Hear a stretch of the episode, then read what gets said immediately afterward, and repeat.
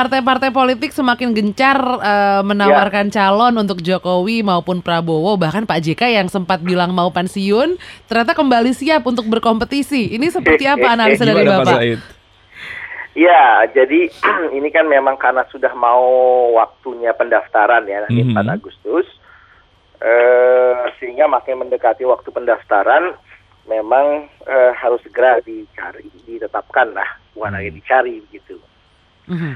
Nah, memang eh, posisi Pak Jokowi lebih diuntungkan sebagai petahana yeah. yang lebih mudah kira-kira kalau mau eh, mencari pendamping. Mm-hmm. Karena syarat mencari pendamping itu yang pertama adalah harus beres dulu urusan eh, syaratnya, mm-hmm. yaitu syarat pengusulan calon presiden adalah punya kursi 20 persen DPR hasil pemilu 2014 uh -huh. ya atau suara 25 persen. Uh -huh. Nah karena Pak Jokowi petahana nggak usah dia minta itu datang sendiri partai merapat. Yeah. Nah jumlahnya mencukupi uh, sebagai syarat pengusulan calon presiden. Uh -huh. Sehingga yang dia pikirkan tinggal bagaimana mencari cawapres. Yeah. Sementara kubu penantang itu misalnya Pak Prabowo begitu ya jangankan cawapres untuk posisi capres dirinya sendiri aja ini kan masih terombang ambing gitu. Mm-hmm. Nah itu itu bedanya antara petahana dengan uh, penantang oh, dari mm-hmm. sisi fleksibilitas juga uh, dia diuntungkan karena uh, katakanlah Golkar, P3, Hanura, Nasdem jauh-jauh hari mengatakan ya kalau wapresnya bukan dari kami, kami tetap loyal kok kira-kira gitu. Ya. Mm-hmm.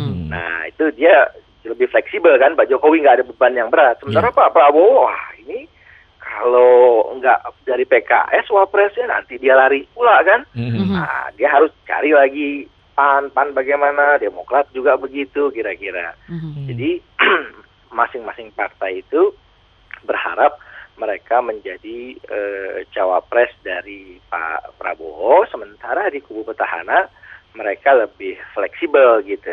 Mm-hmm. Mm-hmm. Tapi ini... Nah, ya sebetulnya fleksibel itu kan di permukaan saja. Yeah. Di dalam juga itu ketat, ketat juga persaingannya. Makanya sampai sekarang Pak Jokowi nggak berani umumkan. Mm-hmm. Walaupun dikatakan di pertemuan terakhir sama ketum-ketum parpol itu sudah ada satu nama, mm-hmm. saya termasuk yang tidak percaya itu. Hmm. Oke. Okay. Mm -hmm. Dan ini apakah saling tunggu, saling melihat uh, di sebelah uh, kompetitor seperti apa nanti komposisinya baru saya mau mengumumkan nama yang nanti akan menjadi pendamping atau seperti apa sih Pak? Atau saling kalau, saling tunggu nih duanya? Ya, kalau dia cuma dua pasangan calon kemungkinannya sekarang ya. Mm -hmm. Ini saya yang semua saya bicarakan ini adalah dengan mengesampingkan jika nanti ada putusan MK soal uh, presidensial yeah. threshold mm-hmm. yang syarat pengusulan calon presiden yang sedang digugat uh, itu ya, mm-hmm. sedang diuji. Nah, uh, dengan posisi yang sekarang memang harus ada uh, presidensial threshold syarat untuk mengusulkan itu yang 20% kursi atau 25% suara yang saya sebut itu uh, posisinya uh, calon itu sudah bisa dideteksi kok. Hmm. Misalnya siapa sih cawapres uh, Pak Prabowo dalam hal Pak Prabowo dipastikan maju ya mm-hmm. siapa sih ya udah nggak bakal jauh-jauh dari yang sekarang mm-hmm. Dari Demokrat udah jelas Pak Haye mm-hmm.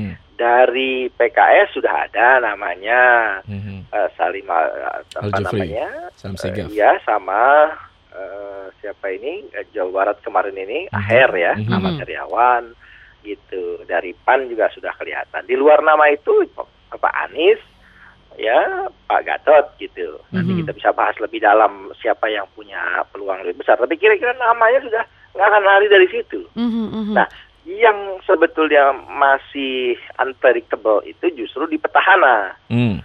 Karena saking banyak ya, peminat gitu, ya. apalagi dibumbu-bumbui nanti ada kejutan yang menghebohkan katanya. Mm -hmm. uh, walaupun saya sendiri sih merasa nggak ada yang heboh-heboh amat nama-namanya juga yang selama yang sudah beredar gitu loh mm-hmm. gitu jadi eh, sebetulnya saling intip mengintip itu menurut saya sudah lewat waktunya dulu ya mm-hmm. kalau sekarang sih sudah mulai terdeteksi kok okay. jadi sebenarnya kubu petahana sudah tahu oh nanti juga lawannya si Anu Nah, kubu petahana juga, eh sorry, kubu penantang juga sebetulnya sudah punya, udah ngintip-ngintip lah, hmm. gitu. Jadi hmm. kalau sekarang ini dari kubu penantang misalnya dia nggak punya banyak pilihan. Misalnya hmm. gini, ah saya tunggu dulu deh, sana calonnya siapa baru saya tentukan nggak. Karena dia seperti saya bilang, jangankan mau menentukan cawapres, posisi capresnya aja masih terombang ambing Mbak Prabowo hmm, gitu. Yeah. Dan dia harus punya syarat koalisi uh, yang uh, uh, memenuhi presidensial threshold tadi. Mm-hmm. Mm-hmm. Kemudian uh, terkait pertemuan semalam antara SBY dan Prabowo, kok tampaknya masih agak digantung. Sebetulnya apa yang bisa uh, dilihat dari pertemuan semalam ini, Pak? Ya, jadi semenjak siang kemarin ramai dimintakan kepada saya pendapat dari media tentang uh, apa namanya uh, rencana pertemuan Prabowo dan SBY nanti malam gitu. Mm -hmm. ya sedikit prediksi pula saya katakan. Saya nggak yakin akan ada sesuatu yang katakanlah uh, baru begitu mm -hmm. dalam arti terbangun suatu koalisi gitu. Uh, saya menyebutnya ini masih ya kalau di apa kalangan muda-mudi itu kalau mau nikah itu taaruf lah ini. Taaruf politiknya nih kira-kira begitu. Jadi belum sampai mengikat kepada satu apa malam pinangan hmm. gitu ya hmm. untuk meminang uh, eh, AHY gitu Prabowo datang ke tempat Pak SBY tidak gitu. Jadi masih sebatas untuk memperdalam mempererat uh, uh, apa namanya itu komunikasi ya. Hmm. Uh, dan menguatkan penjajakan koalisi gitu. Hmm.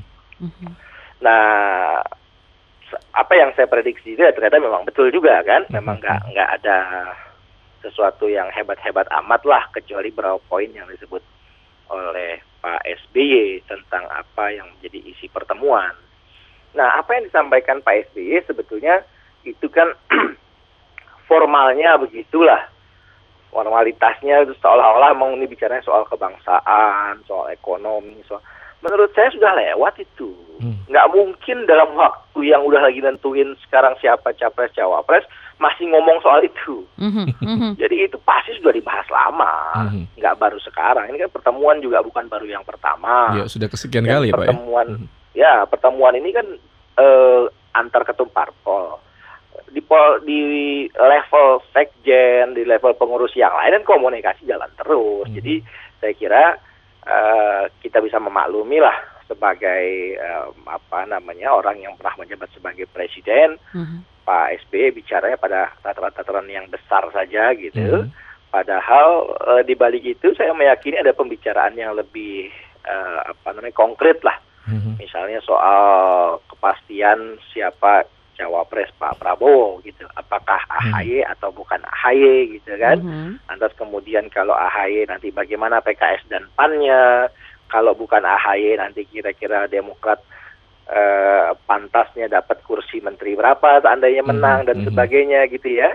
Yeah. Termasuk urusan logistik pilpres, nanti siapa nih yang nanggung urusan hmm. ini, siapa yang cover, urusan itu siapa yang cover misalnya. Itu pasti sudah dibicarakan sejak awal sebelum uh, koalisi terbentuk. Dan hmm. itu bukan terjadi hanya di kubu penantang, di kubu hmm. petahana juga pertemuan uh, enam ketua parpol kemarin itu saya kira juga ikut membahas soal-soal yang begitu. Hmm. Hmm. Oke, okay. dan adakah kemungkinan nih Pak Said ini uh, Demokrat akan berkoalisi dengan Gerindra karena dari pertemuan oke okay, mungkin AHY juga pernah menyambangi Prabowo, kemudian kemarin pada saat dirawat di RSPAD, Prabowo pun juga datang menjenguk uh, eh, SBY di sana. Ya, uh, seperti saya katakan tadi ini, hmm, ini hmm. dengan asumsi uh, syarat pengusulan calon presiden masih uh, ada presidensial hmm. threshold itu, hmm, hmm. ya tidak dibatalkan oleh MK yang sekarang sedang berproses perkaranya, hmm. maka memang nggak ada pilihan bagi Demokrat. Hmm kalau ke kubu petahana, yeah. Dia menjadi partai paling buncit lah yang hmm. merapat hmm. gitu, hmm. yang nggak tahu apa-apa, tahu-tahu pokoknya ikut aja. Hmm. Nah, itu lebih tidak menguntungkan bagi Demokrat.